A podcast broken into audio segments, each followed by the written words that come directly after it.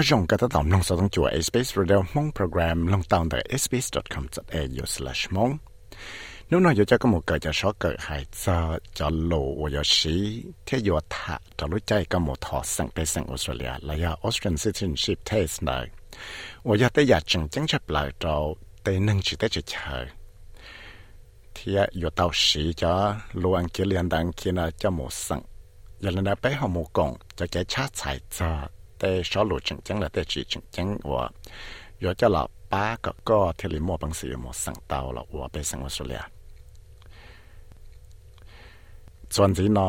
อยากช็อกเกอ SBS Learn English ถ้าจะออสเตรเลียจะเกว่าไปสั่งระยะ Australian citizenship ต้องอ้อหัว Australia Democratic believes rights and liberties และ Australian จะเกชื่อคือ democracy จอใจเทียจะเกยืพัง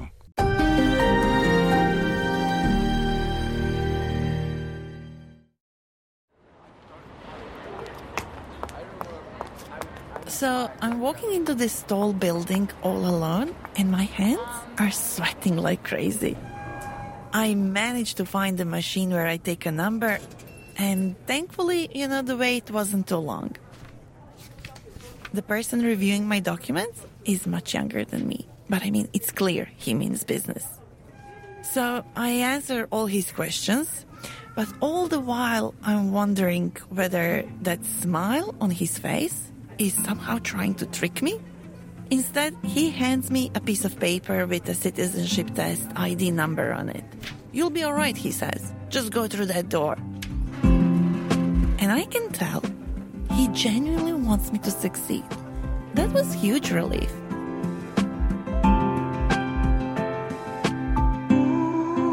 I'm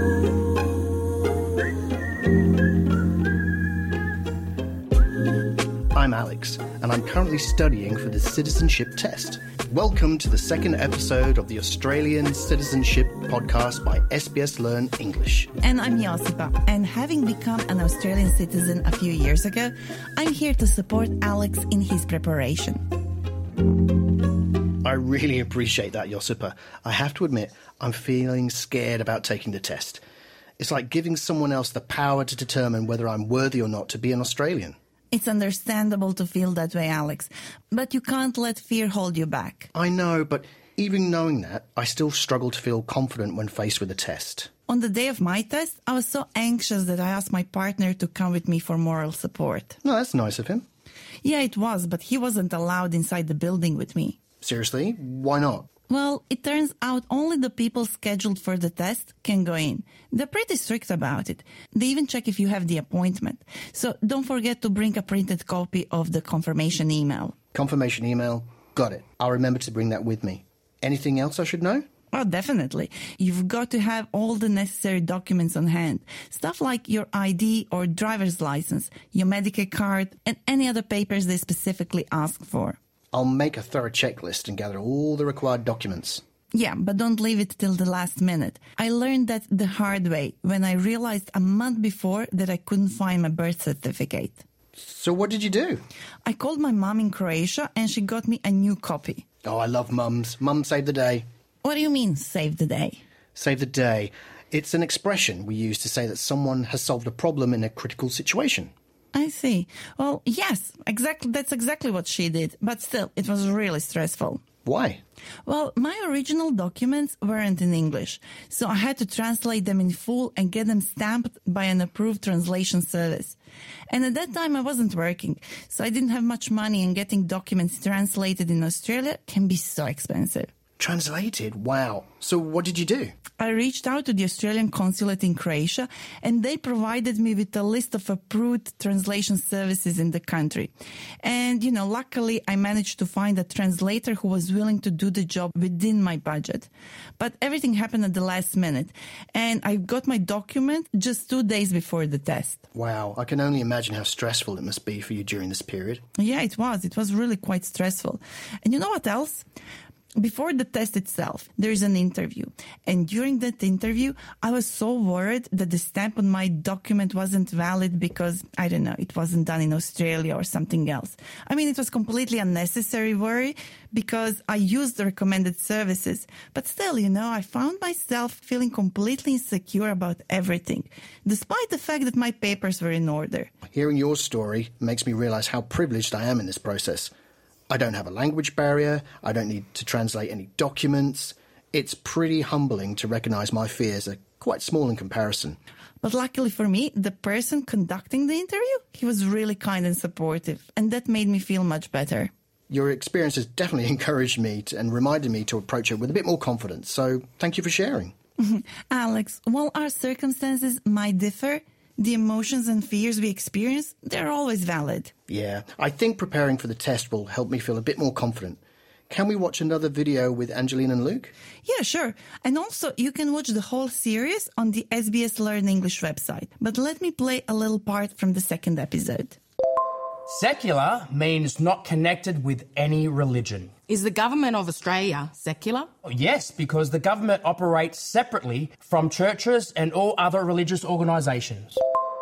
To discriminate against someone means to treat them in a way that is different and not right or fair. So, for example, it is against the law to discriminate against someone because of their gender. Yes, there are laws to make sure a person is not treated differently because of their age, gender, race, religion, or disability. Having equality or being equal means being treated like everybody else. That is, being equal in status, rights, or opportunities. For example, gender equality in the law means that men and women have the same rights. What is a fair go? Equal opportunity in Australia is often called a fair go. When we give someone a fair go, it means that we allow them to have the same opportunities to work hard, show their talent, and be as successful as anyone else. What is Australia's system of government called?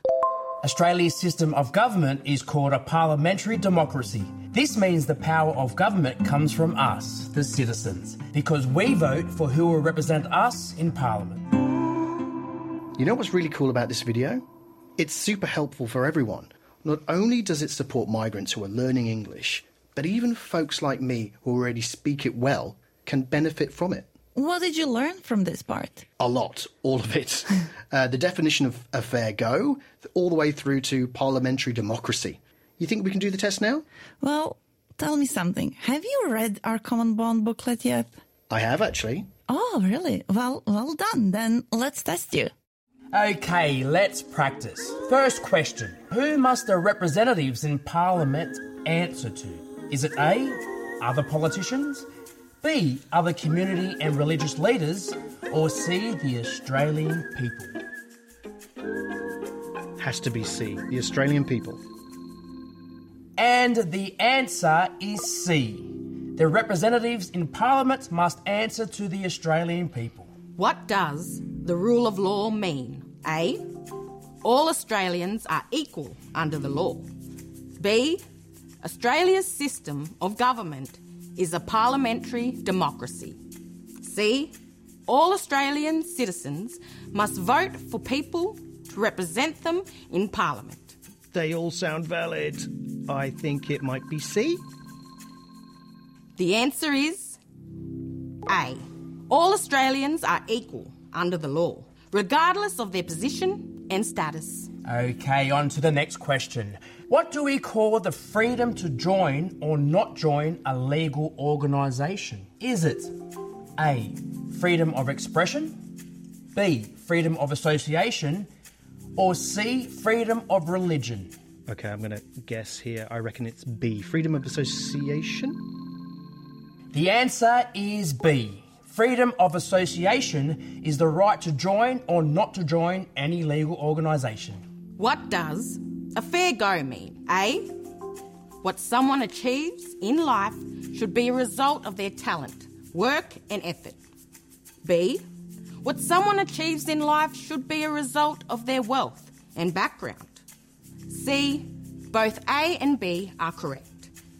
It has to be A. Talent, work, effort. The correct answer is A, a fair go. Is our way of saying that what someone achieves in life should be a result of their talents, work, and effort. Well done, Alex. You almost answered everything correctly. Almost. I'm going to read the booklet again and watch all the videos. I'm sure you will. Well, thanks for tuning in to the second episode of the Australian Citizenship Podcast. You can watch the whole series on the SBS Learn English website. And in our next episode, we'll hear how Australia is governed, as Angeline and Luke explain how decisions that shape our country are made. This is Josipa And Alex. Thank you for learning with us.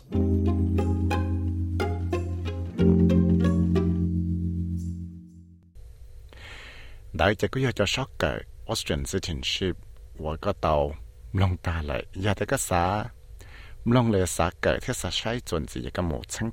sbs.com.au slash sbs learn English